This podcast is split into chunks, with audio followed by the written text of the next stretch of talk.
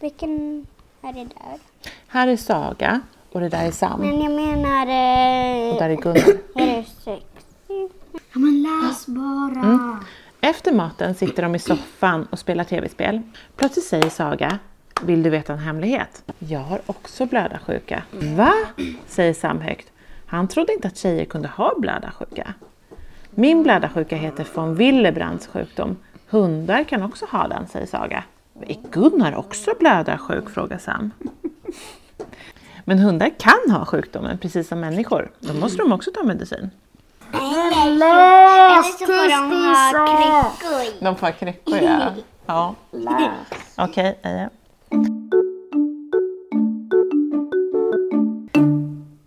Hej och välkomna till ett nytt avsnitt av Blödigt värre. Barnen som var så engagerade har precis fått lyssna på boken Sam slår sig. En fiktiv berättelse om barnen Sam och Saga som ska hjälpa kompisar till barn med blödardiagnos att förstå vad det innebär. Nina Jurander, du har varit delaktig och lektörsläser den här boken, det vill säga du granskar och kommer med input och så. Varför tycker du att den här boken är viktig? Eh, flera orsaker, men en viktig orsak är att eh, när barnen är små och de får en diagnos så är det ofta väldigt mycket information till föräldrarna. Och de blir väldigt väl insatta. Eh, och barnen de bara lever med sin sjukdom. Och ofta missar man faktiskt att hänga med i barnens utveckling och informera dem. Så det kan visa sig att barn som har en kronisk sjukdom har väldigt dålig kunskap om den fast det är deras vardagsliv. Så att få en bok som förklarar lättfattligt om en sjukdom är väldigt bra. Och just i den åldern som den här boken riktar sig till så är de ju väldigt intresserade av allting som rör deras kroppar och vad som händer med dem. Och då brukar tankar på sjukdom och så komma upp. Eh, så därför tycker jag det är bra. Eh, och sen är det ju också så att den här boken kan man ju använda i andra sammanhang, till exempel barn som går på förskola eller skola. Att man kan ha den och läsa. Och då blir det ett roligt sätt att ta till sig information om en sjukdom. Eh, faktaböcker kan ju bli lite torra och barn kanske inte håller uppmärksamheten så länge när de läser om sånt. Men gör man det som en saga, då kommer de använda det på ett annat sätt och ta till sig det på ett annat sätt. Blir som ett naturligt sätt att få Ja. kompisarna då att förstå Ja precis, Mm. då får man liksom sin omgivning att förstå. Och Man kan läsa den ihop med kompisar på förskola skola och man kan läsa den hemma med syskon och man kan läsa den med, med andra släktingar. Så det, det är ett bra sätt att få en barnberättelse. Eh, till vardags så är du sjuksköterska vid Mm. koagulationsmottagningen här på Salgrenska i Göteborg, där vi är idag. Eh, ditt specialområde det är barn som känner rädsla för vården. Kan du inte berätta lite mer om det? Mm. Eh, Jag har ju hela min sköterskekarriär jobbat blandat med barn och vuxna. Eh, Jag har varit färdig sjuksköterska sedan 96 och då började jag jobba på neurokirurgen, blandat barn och vuxna. Och sen har jag fortsatt på den banan. Eh, och sen 16 år tillbaka så har jag varit på anestesi och sövt. Och där träffar man många barn som utvecklar en sjukvårdsrädsla. Och tvärt vad många tror så är det de barnen som har mycket sjukbesök, kroniska sjukdomar lång- många olika sjukvårdsbesök som utvecklar rädsla. Många tror att det är de som kommer första gången som inte känner till att det är de som får problem. Men min erfarenhet från, från mitt arbete med sjukvårdsrädda barn är att det är precis tvärtom. Hur kommer det sig då?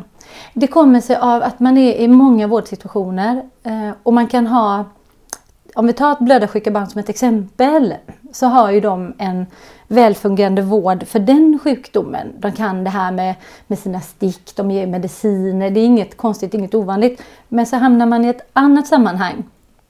Och ofta så är det vi i vården tänker fel. Vi tänker att barnen är, är små proffs på sjukdomar, men det är de inte.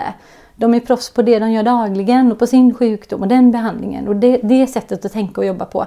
Men de kan inte alltid andra.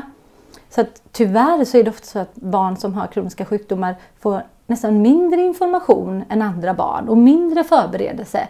För att på något sätt så förutsätts de kunna så mycket ändå, men det kan de inte. De andra områdena är inte deras områden. Och sen ofta också om man har behandling då till exempel som våra blödarsjuka barn med sina injektioner Då har man ju hittat ett sätt som man jobbar på med detta som passar familjen, som passar barnet. Eh, då har man jobbat fram det. Men i andra sammanhang har man ju inte den beredskapen. Och eftersom man kanske också är van vid att få vara med och påverka hur man vill att vården ska se ut eh, så blir det också svårt i olika vårdsituationer där barnens röst inte blir lika mycket hörd som i den här världen.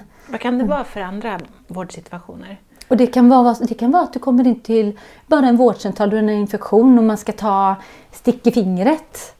Jag har träffat jättemånga barn som har fått sådana här provtagningar, det har blivit fel gjort. Eh, man ska komma och göra en omläggning hos en sköterska. Det kan vara precis vad som helst där man är utanför sin vanliga situation. Eh, och just när det gäller sjukhussammanhang, när barnen kommer in och kanske ska opereras då. Det är ju där jag har blivit inblandad allra, allra mest. Eh, och då startade vi här på Sahlgrenska ett team för sjukvårdsrädda barn för några år sedan. Och då jobbar vi då sjuksköterskor eh, på operationer, anestesi och på avdelning. Och så jobbar vi tillsammans med lekterapin på sjukhuset och med eh, en psykolog. Och då får vi till oss förfrågningar när man märker att de här barnen har varit med om någonting jobbigt och har jobbiga vårdsituationer, kanske inte klarar de momenten de ska göra till exempel eh, med stick eller vissa barn till exempel har varit så rädda så att de har inte klarat att komma till operationsavdelningen. De har varit så rädda för narkos att de har inte klarat att genomföra det här med sövning och operation. Då får vi förfrågning till vårt team eh, och så träffar vi, träffar vi barnen. Vi pratar med föräldrarna, gör upp en plan, träffar barnen och sen jobbar vi med dem. Och då går man ju in och nischar för varje barn och tittar vad det är de behöver hjälp med. Vi har alltid ett samtal först och ser vad de har gått igenom och vad det är de tänker. Och om det är bearbetning efter tidigare händelser så jobbar vi igenom det som har varit innan. Och är det förberedelse inför någonting så jobbar vi med det. Så att man ger, men det blir liksom som en liten eh, individuell plan för varje barn.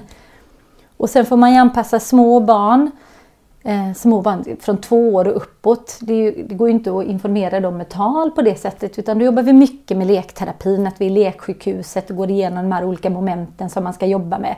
Eh, och där jobbar vi också mycket med bilder och där kommer ju lite det här med boken in. Eh, och bilder är bra för barn för att det går i deras takt. De kan själva välja när de vill stanna till, när de vill pausa, när de vill titta extra. De vill kanske bläddra tillbaka. Har man filmer så blir det inte, det blir bara ett flöde som går. En bok är bättre för att då kan det anpassas efter barnets tempo.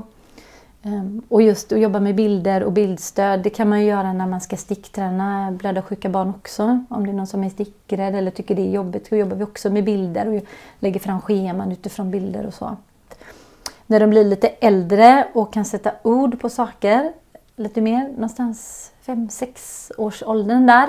Eh, då jobbar vi på ett annat sätt. Då jobbar vi med bilder och leken men också lite med det skriftliga.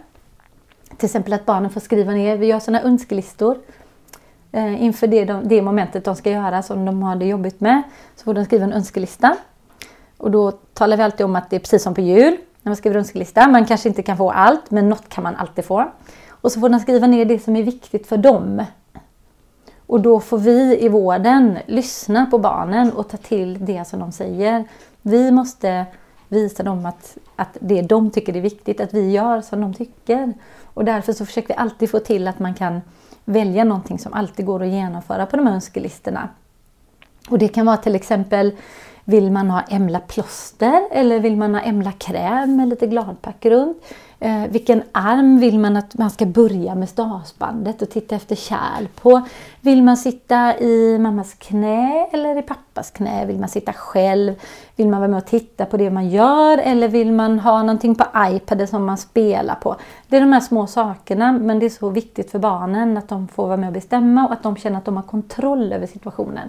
När de har det så blir det lättare för dem och då blir det också lättare för oss. Kan du inte berätta om något konkret exempel på ett sjukvårdsrätt barn? Jag kan berätta om första flickan som jag träffade och som gjorde att jag fick upp ögonen för detta och började jobba med sjukvårdsrädda barn. Och det var en flicka på sex år som skulle operera bort sina halsmandlar.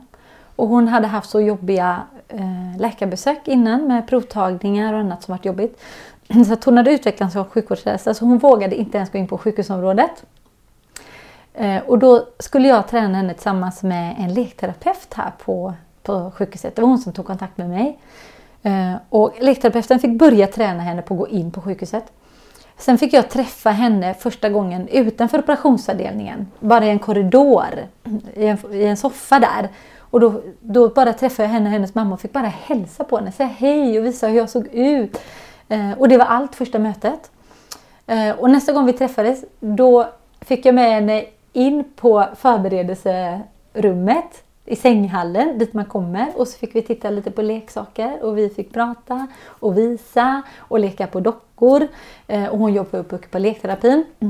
Och sen gången efter så fick jag in henne och titta på en operationssal och leka lite med våran docka Wilmer som är en stor docka där barnen får öva på, göra stick och sätta på olika plåster och poxar och allt möjligt. Um, två gånger tränade vi och sen så sövde jag henne och det gick jättebra.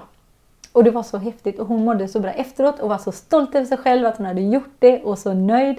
Och då kände jag att, eh, då väcktes verkligen ett intresse i mig att det är så många barn som har det så jobbigt i sjukvårdssammanhang och om man kan göra så här mycket för de barnen med så relativt så lite insatser så är det helt fantastiskt. Och sen var det igång. Ja. Det, här, det, låter ju, det låter ju helt fantastiskt. Är det någonting som ni bara gör här på Salgrenska eller finns det, finns det sådana här team på andra ställen i landet också? Nej, det, jag känner inte till några andra team som jobbar riktigt på det här sättet. Eh, vi här på Sahlgrenska startade upp det här teamet för flera år sedan. Mycket på grund av att det här är ett vuxensjukhus där det också finns barn. Vi har ju barn på många olika avdelningar och då är barnperspektivet inte lika självklart här som det är på de sjukhusen som bara vårdar barn. Och då kände vi att vi behövde göra någonting här. Eh, så då startade vi upp det. Men jag är ute och föreläser mycket om sjukvårdsrädda barn till andra sjukhus lite runt om i Sverige. Så att det finns ju en vilja att, att hjälpa barnen mer. Kanske kommer. Oss. Jag hoppas det, verkligen. Vi har väldigt bra resultat på detta. Alla de barnen som vi har träffat och tränat har klarat det de ska göra. Alla har klarat sina, fått sina PVK eller gjort sina sövningar eller klarat att bemästra eh, sitt dagliga liv efter en jobbig situation i vården. Vi har ju vissa barn som efter jobbiga narkoser till exempel eh, har fått sömnsvårigheter. De kan inte somna på kvällarna för de har upplevt någonting väldigt jobbigt. Eh, de kan ha koncentrationssvårigheter, till och med att de har fått depressioner, vissa barn. Så det är, väldigt, det är angeläget att jobba med detta. Ja. ja. Boken den riktar sig ju också till, till friska mm. eh, barn, mm. 6 till 9 år ungefär. Mm. Eh, är inte det här ganska svåra saker att förstå för så pass unga barn, tänker jag? Nej, jag tror inte det. Barn är rätt fantastiska faktiskt och de förstår ofta mycket mer än vad vi tror. Plus att de har en sån nyfikenhet i den åldern. De tycker det är spännande och roligt och intressant.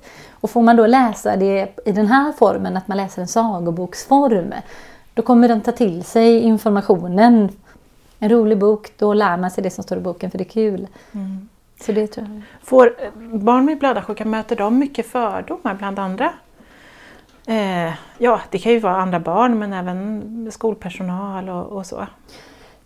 Barn, min erfarenhet är att barn är så naturliga, de tar allting så naturligt. Så att har man någon sjukdom, någon funktionsnedsättning, vad det nu än är, eh, så tar de andra barnen det väldigt naturligt. De tänker inte som vi gör. Jag har jobbat mycket med barn med, med döva hörselskadade barn och med barn med autism, olika neuropsykiatriska funktionsnedsättningar och så vidare. Och problemet är aldrig de andra barnen. De har inga problem med detta utan det är vi vuxna. Vad kan, vad kan, vad kan det vara för fördomar som, som de vuxna har då kanske? Blödarsjuka, när man hör det ordet då associerar folk det med att det är någon som blöder ihjäl bara man slår emot och får ett blåmärke. Det märker man kanske när man är ute på till exempel eh, förskoleinformationer.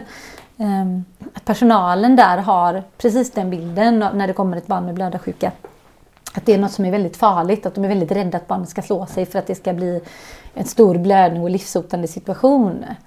Men det sitter mer hos oss än hos barnen. Mm. Och att vi vuxna ofta har tankar om vad barnen ska tänka. Ja. Just det. Ja. Så att göra en bok och också avdramatisera är ju bra också för oss vuxna faktiskt. Att, att mötas av, de här, av den här typen av föreställningar, hur påverkar det barnen? Bland alla barn som har någon sjukdom, handikapp, funktionsnedsättning eh, så tror jag att det kan finnas svårigheter. Men om man som förälder eh, informerar bara och berättar för de andra vuxna som är i det sammanhanget barnet är så brukar det här aldrig vara några problem. Eh, med all din erfarenhet som du har samlat på dig, hur tycker du att personal i förskolor och, skol och skolor ska använda den här boken?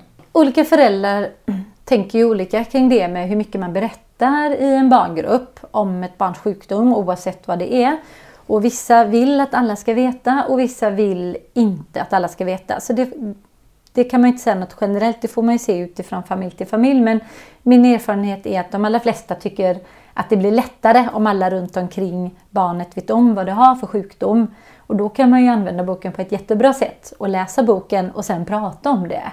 Och berätta om, eh, om barnets sjukdom. Och ofta vill ju barnen själva berätta. De är ju med i massa spännande saker på sjukhus. Och vi jobbar ju mycket med bilder. Vi vill ju att föräldrarna tar bilder när de är hos oss och gör olika behandlingar. Gärna att man gör ett eget litet behandlingsalbum som man har hemma. Där man går in och tittar och hur är det och hur gör vi där och hur ser det ut och vad använder vi för grejer och att de har bilder på barnet i de olika situationerna. Och de böckerna är ju, de har vi använt till sjukvårdsrädda barn innan. Det är jättebra att ta med sig till förskola och skola och visa. För alla barnen är jätteintresserade. De vill ju titta när deras kompisar kommer med något sånt här. Och de här barnen brukar ofta tycka det är jätteroligt att få berätta och visa. Och det blir så ett bra sätt att avdramatisera allting. Och barn har så mycket roliga frågor. De har så mycket spännande frågor. Så att de, det är självgående. Om man läser något sånt och pratar lite om det så kommer de själva fråga frågor och det blir mycket kunskapsspridning. Samtidigt tänker jag att det kan vara, finnas situationer där det är, blir en balansgång där man liksom inte vill att ens barn ska sticka ut och vara Nej. Sticka ut för mycket och, och uppfattas som alldeles annorlunda på olika sätt. Hur ska man liksom Mm. hitta den här balansen? Det är svårt att säga, det måste Ja. var, var, var en känna själv. Men min erfarenhet är att ofta tycker man själv att det är en större sak än vad de runt omkring en tycker. Det blir ofta ganska avdramatiserat om man berättar. Eh, Så om vi ska summera lite så eh, kan man som förskolepersonal och skolpersonal ta stöd av boken när det känns som att det är ett bra läge för att göra det. Men också stöd av föräldrarna för att liksom hitta en bra balans. Absolut, alltså alltid att man pratar ihop sig med föräldrarna och med barnet. Och hör vad barnet vill. De har, ju, de har också ofta ganska klara åsikter om vad de vill. Det är jätteviktigt att man jobbar ihop med hela familjen när man är personal i skola och förskola. Man måste liksom skräddarsy det för just det barnet. Det är viktigt. Mm, Härligt. jättebra.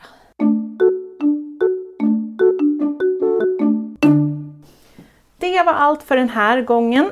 Tanken är att SAM slår sig Den ska finnas tillgänglig för till exempel lärare och andra i skolor som kanske har en elev med blödardiagnos. Och de ska också få hjälp med handledning kring hur boken kan användas utöver det som Nina har tipsat om här i podden. Boken kommer självklart också att finnas på till exempel koagulationsmottagningarna och gå att beställa genom patientföreningen FBIS.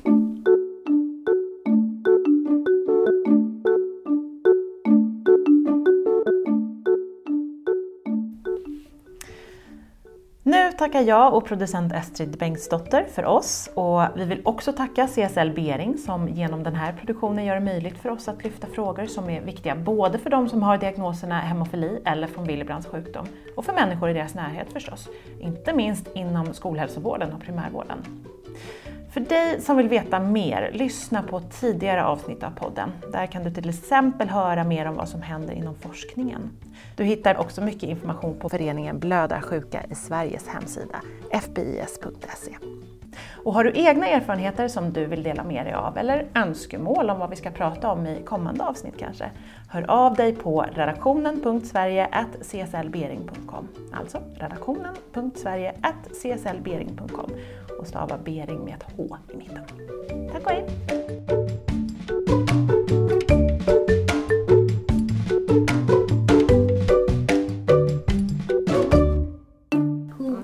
Koagulationsmottagning. Koagulationsmottagning. Snyggt! Det var snyggt. Du då Jonathan, kan du säga? Jag glömde. Koagula... Ko- Men koagula. låt mig! Koagulationsmottagning. Snyggt.